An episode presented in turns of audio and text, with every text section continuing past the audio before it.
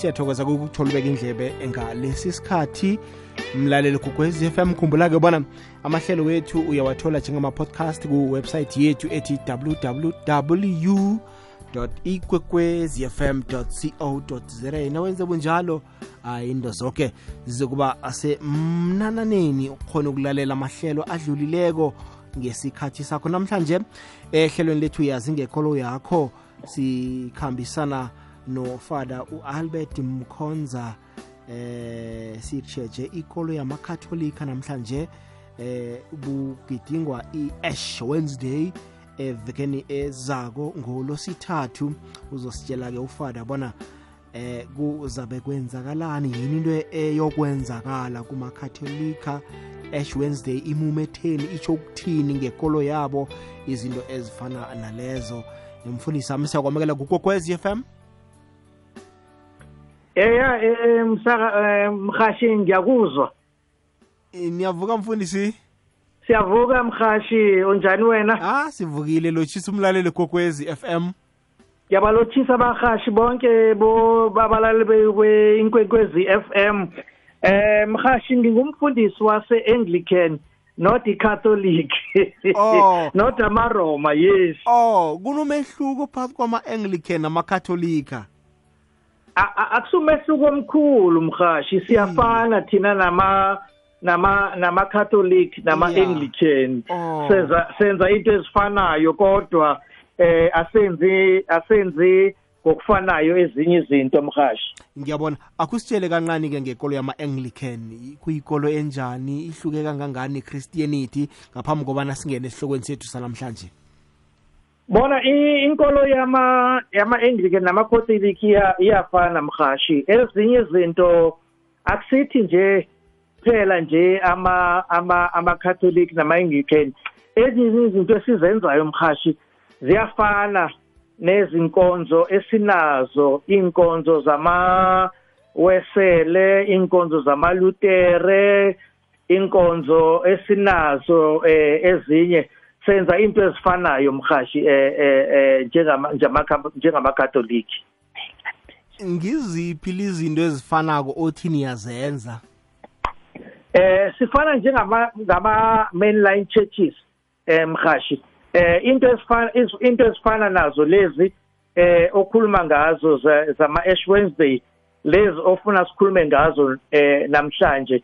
Inkonzo ezifana nama Roman Catholic Church inkonzo ezifana nama Anglican Church inkonzo ezifana nama Lutere inkonzo ezifana eh nama Methodist eh sizizinkonzo wena mhashi eh eh eh, eh si celebrate eh lezi nkonzo esifana ezifana nama Ash Wednesdays.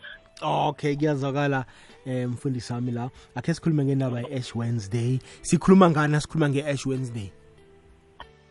Uma sikhuluma nge-Ash Wednesday mhashi sikhuluma ngesikhathi eh lapho si- singamaKristu sikhumbula indlela yesiphambano sikhumbula indlela lapho mhashi eh eh, sikhunjuzwa khona ukuthi sisikhathi se se 40 days 40 nights lapho silandela khona eh indlela yobuKristu bethu eh siyathandaza siyafasta eh mhashi sizama ukuthi eh siconnect noNkulunkulu wethu. Sizama ukuthi mhashi eh siyaguquka singabantu siphenduke eh kwindlela esiphila ngayo. Sizame ukubuyelana nozimu wethu.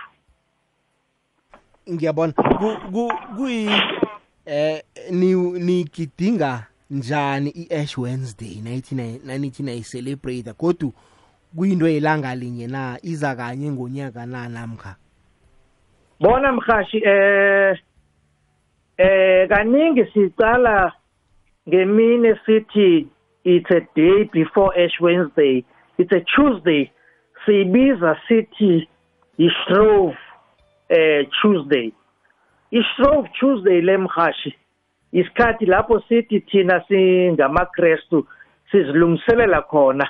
Ukungena eh kuhlelo leli sithi kulo siyafasta eh siya emkhulekweni sizama kuhamba nenkosi yethu uzimu lo indlela yokuya emnqamlezweni sizivimba into eziningi eh wena mahashi kodwa iqala ngolesibili ulesibili eh eh wezi wezi 21 before the 22 because of lonyaka ikhalenda yethu ithi 22 kodwa is 21 siya siya siyahlangana.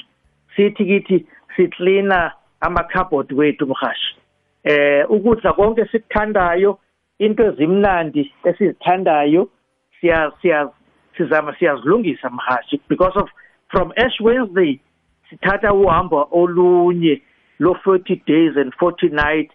Sizivimba ukudla sizivimba into eziningi mhashi sithi siya siya siya siyalamba sisemthandazweni. And then enye into mhashi ukuthi ngesikhathi se se land sicala what we called iland indlela yokuya esiphambanweni.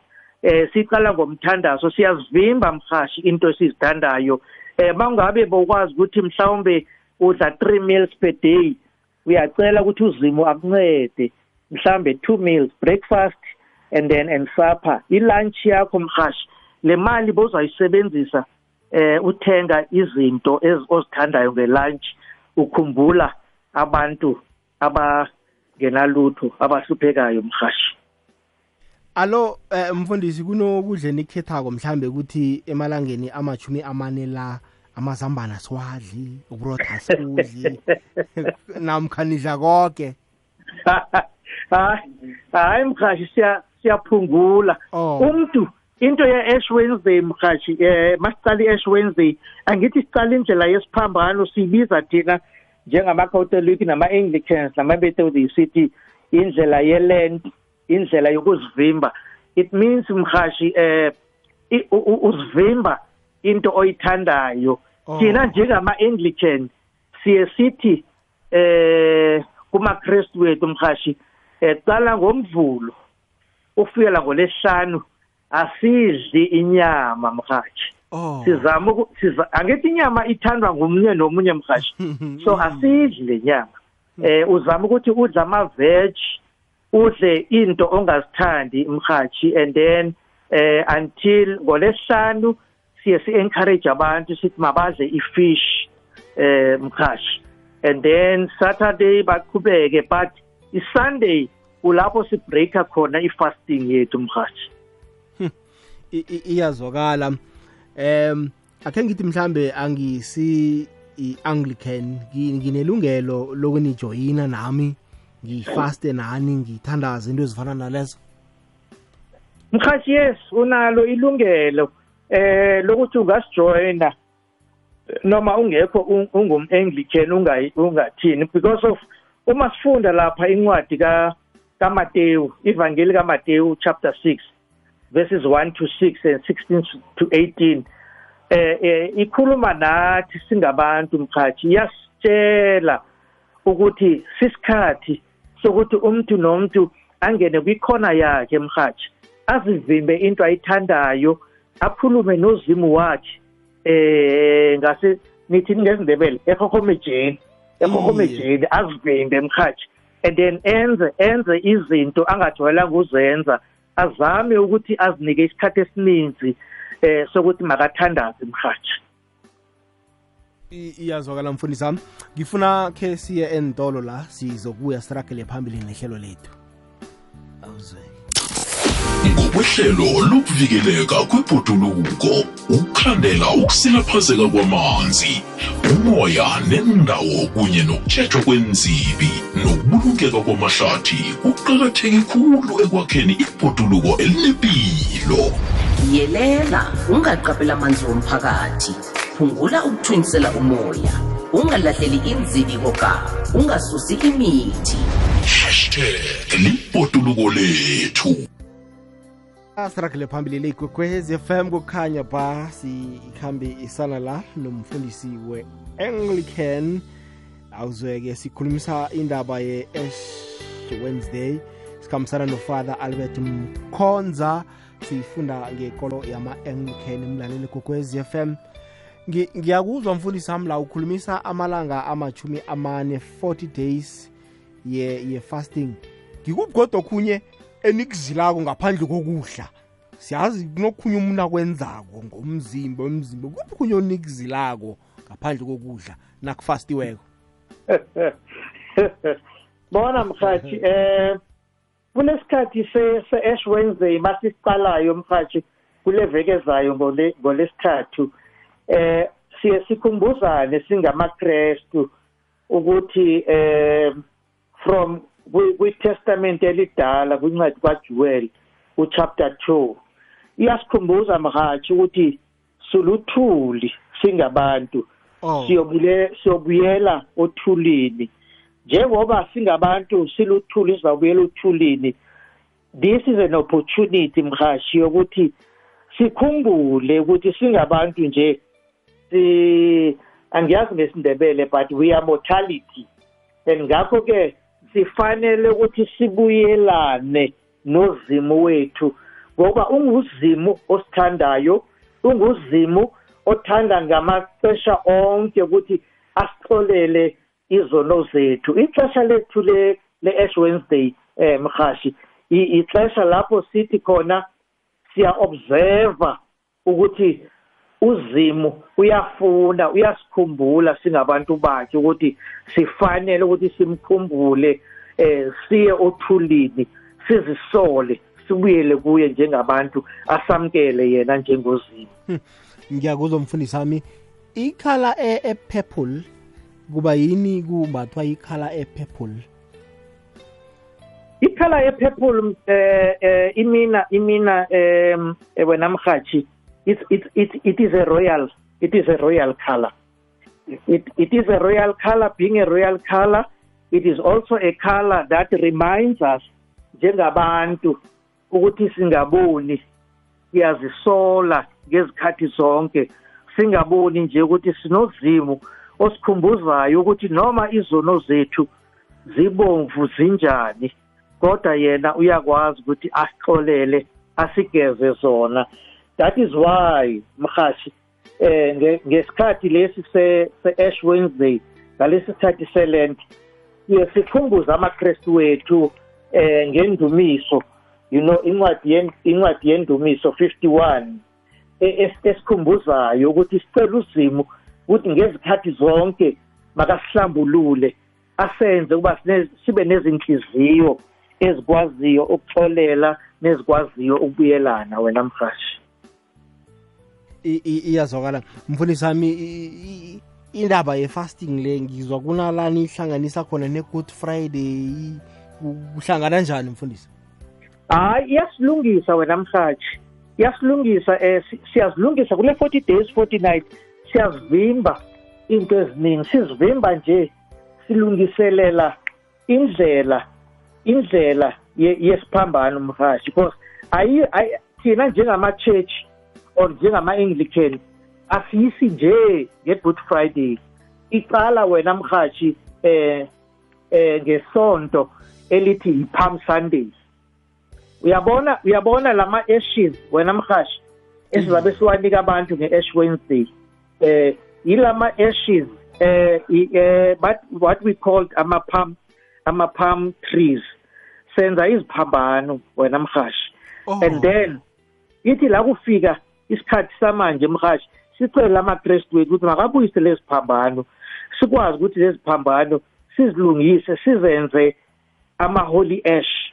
Lezo ezizozikhumbuza ukuthi singobani ngoba ama-ash lama-ashes mhashi lama-ash ash ash uh, crosses esizitshisayo yilezi esamukela ngazo inkosi yethu uJesu Kristu. Uma engena eJerusalem sithi thina singamachechi i-passion sunday uzayitolika ke wena mhashi i-passion sunday lapho sazi ukuthi samukela uJesu eJerusalema ngomsebenzi azokwenza okusenga abantu ezonweni zabo wena mhathi ngiyakuzwa nasikhuluma ngama-ashes nje sikhuluma ngomlotha mfundisi. Umlotha umlotha. Umlotha. Wena mhashi umlotha sithatha sithatha yabona njengoba bengitsho kuwe ukuthi lama-palm crosses besikade sibanika wona nge-palm sunday lawo lawo besamukela ngawo ujesu. Siyawathatha thina abafundisi siwachise mhathi kade siwachisa sibe khona ilanga lapho sithi thina emva kwe kwe kwe Palm Sunday thina abafundisi siyabizwa ngubishop wethu.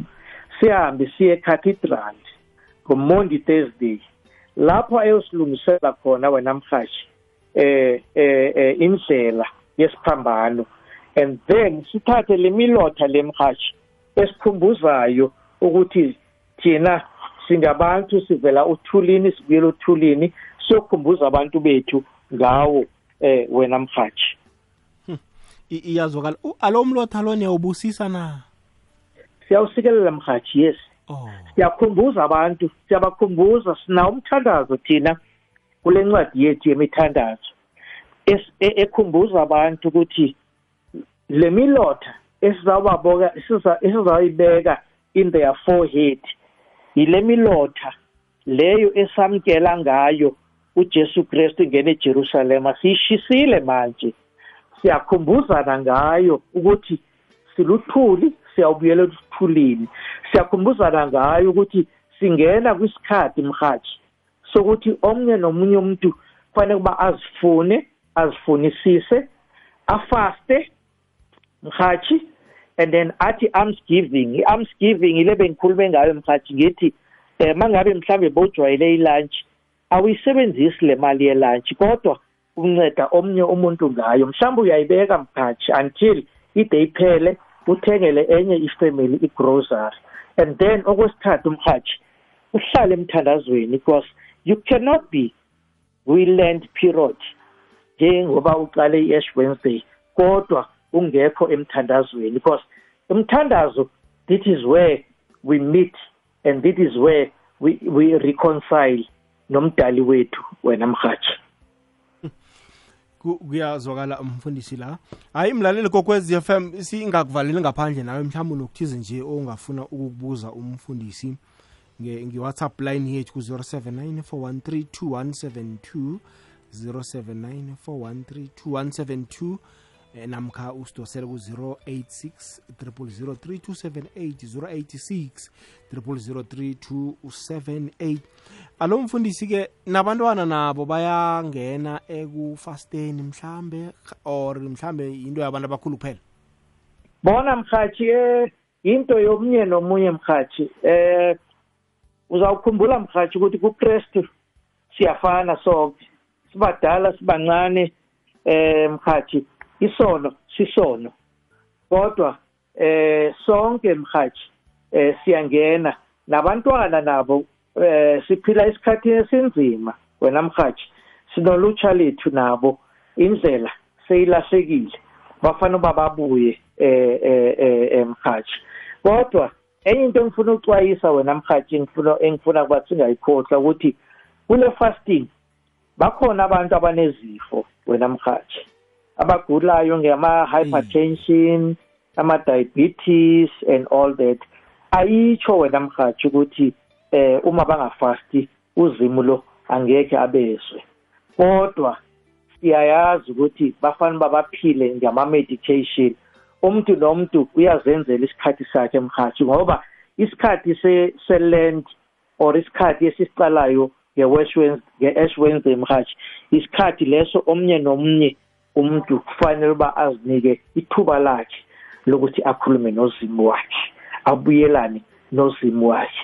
Ngoba uzimo esimkhonzayo mhashi unguzimo osithandayo unguzimo osixolelayo unguzimo ofuna ukusamkela ngezikhathi zonke. Kuyazwakala mfundisi wami la. Alo ilanga liligidingwa nyaka nonyaka ngofebruwari namkha niyeqisa mfundisi? Hayi thina mhathi sinalo kwikhalenda yethu. Thina singama church singama Anglican sinalo every year mhathi ukuthi lisikhumbuze ukuthi sivelaphi singabantu sathandwa kanjani nguzimu and uzimu usasithanda kanjani ngezikhathi zonke mhathi oh kuhle kuhle ama-anglican ninekhalenda ekungeyenu.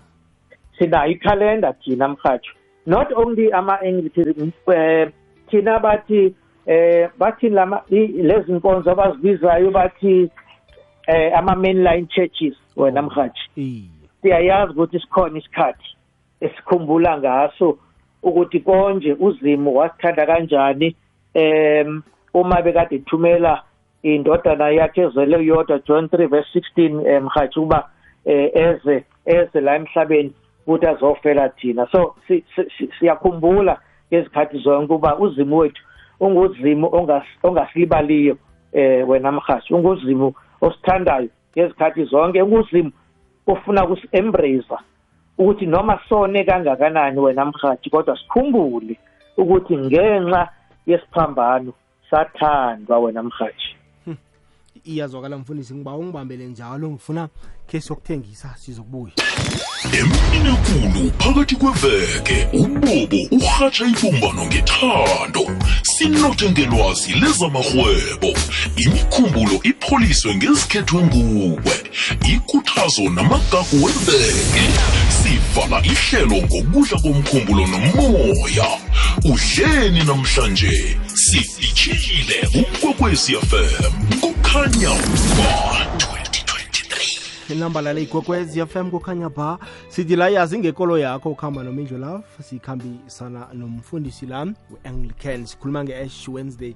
Alo mfundisi umlotha lonu uthathaphi semlotha omunye nomunye namkha hayi hayi hayi mhakashi ngikutshelile ngathi kuwe eh lo mlotha lo mhashi siwuthola kulama palm crosses uyakhumbula ngithe Oh. kuwe nge-palm sunday eh i-palm sunday eh mhathi kulonyaka i-palm sunday i-palm sunday i-palm sunday yethu izoba nge-second zika-april kunama ku- kuneziphambano mhathi esizenzayo ezincane eh esizinika abantu esithi kuzo ngazo lezi phambano samukela uJesu engena eJerusalema ezohlupheka mhathi ezofulfilla umsebenzi wakhe.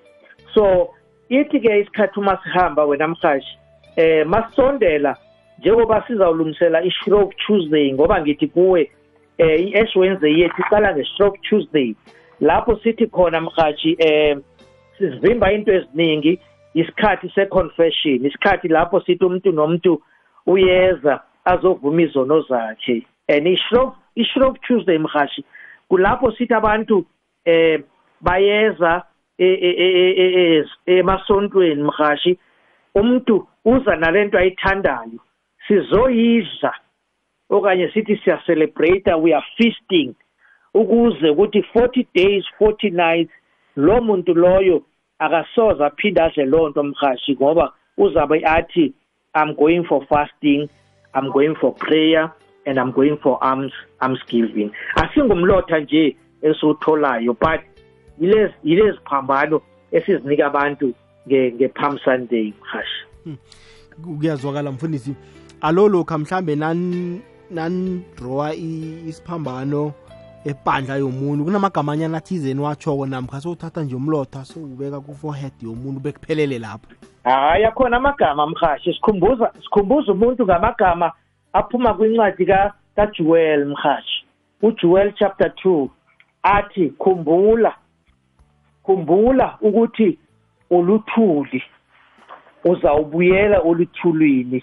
Ngakho ke phenduka ezonweni zakho ukholwe kwizindaba ezinhle zensindiso mkhathi hayi iyazwakala mfundisi wami iyazwakala. Indaba ye-ash wednesday iba mihlanu kimzuzu ngaphambi kobana kubetha isimbi yechumi nanye. Lihlelo sizigedlile hlelo yazinge ekolo yakho sijeje indaba ekhulukazi namlaleli kokwez FM sesizoyivala kungasikunini hayi mfundisi amani akhe sikhumbuze nje abalaleli amaphuzu nje aqakathekileko mayelana ne-ash wednesday. Into ezifana nalezo sikwazi ukuyisonga mfundisi ungathini?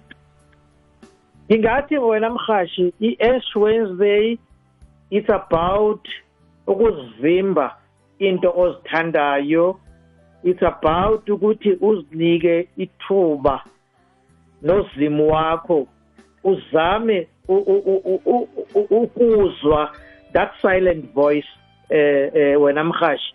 Eh uthandaze because akuncedi wena akuncedi wena mhashi ukuthi uthi eh uyazivimba kodwa ungekho emthandazweni.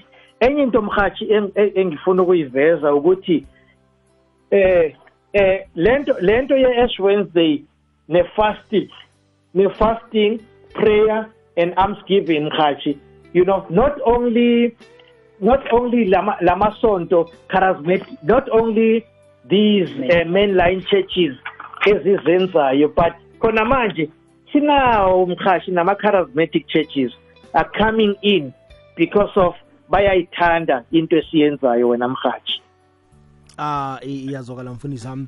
Em ke ngibuze nje ngokufisa kwami ukwazi nje nge- ngekolo yama-anglican umuntu nakabhubhileko niyambulunga namkha niyamchisa hayi mkhathi senza konke thina eh uzawukhumbula mkhathi ukuba eh into yomuntu makabhubhileko mkhathi into yefamily eh Oh. kodwa thina si si siaccommodate ifamily ukuthi ithini.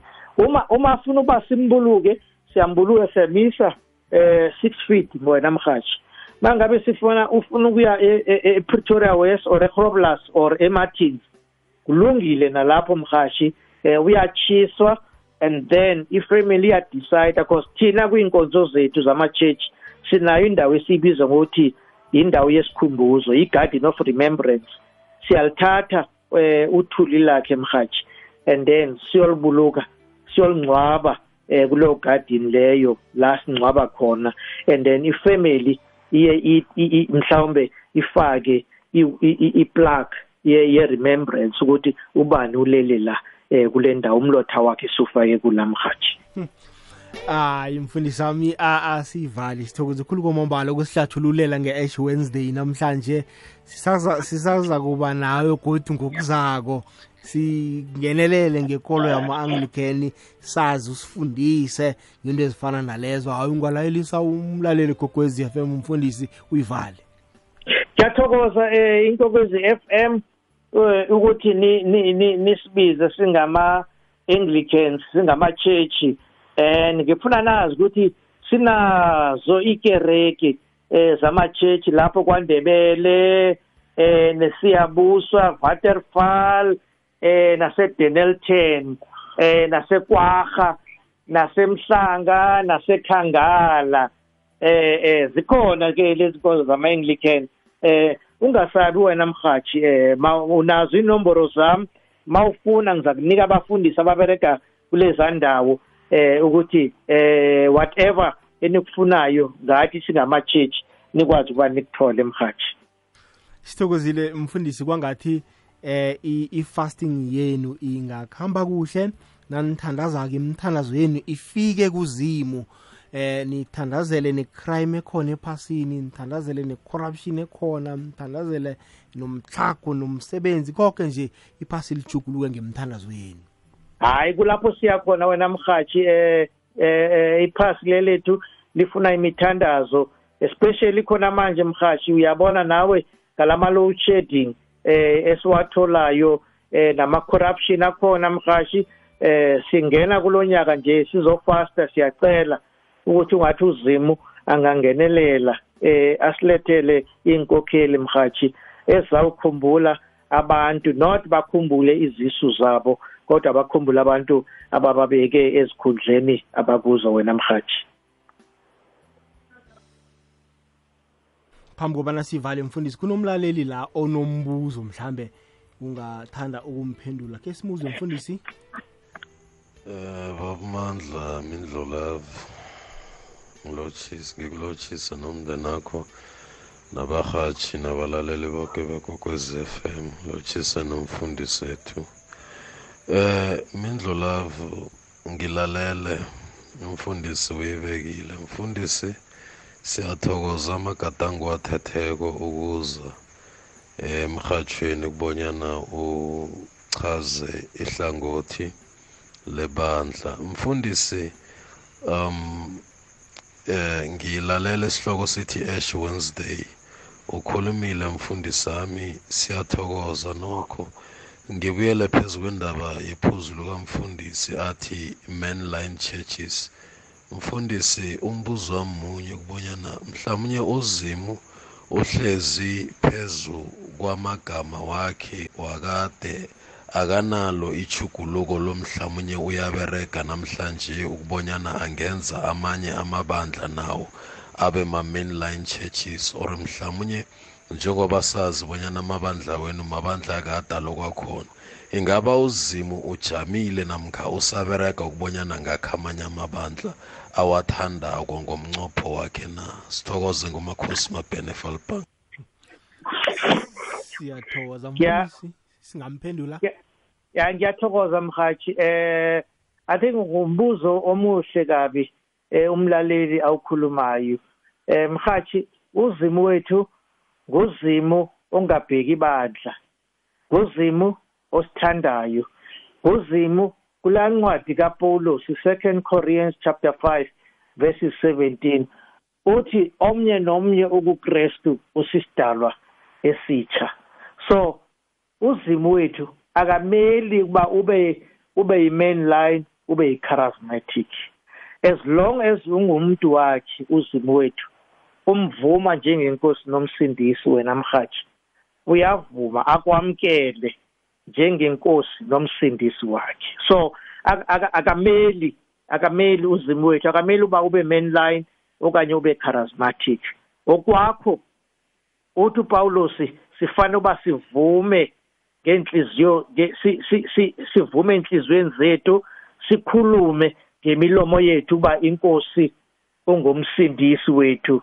Then only that wena mhathi kuphelele ukuthi uzimo wethu uyasithanda. So ngifuna ukuthi kumlaleli ukuthi angabheki nje ukuthi eh si mainline okanye charismatic isikhathi selent okanye isikhathi se-ash wednesday esisicalayo isikhathi leso sithi sonke sizilungiselela indlela yesiphambano lapho sikhumbuzana khona mhathi ukuthi sathandwa kanjani kuzimo wethu ukuthi asinikele indodana yakhe ukuthi azosifela sinda abantu bakhe. Hayi umfundisi sithokozile siza kuba nawe egodweni nangelinye ilanga. Ngiyathokoza wena mhathi siyathokoza ubusuku abube mnandi mfundisi. Akube mnandi kuwe nakuwe mhathi nabalaleli ye nabalaleli bekwekwezi m. Siyathokoza mfundisi. Danki mhathi ki mm two minutes past 11 ibeke kamnandi umfundisi wama-anglican sithokozile mlaleli kokwez f m ufundile nge-ash wednesday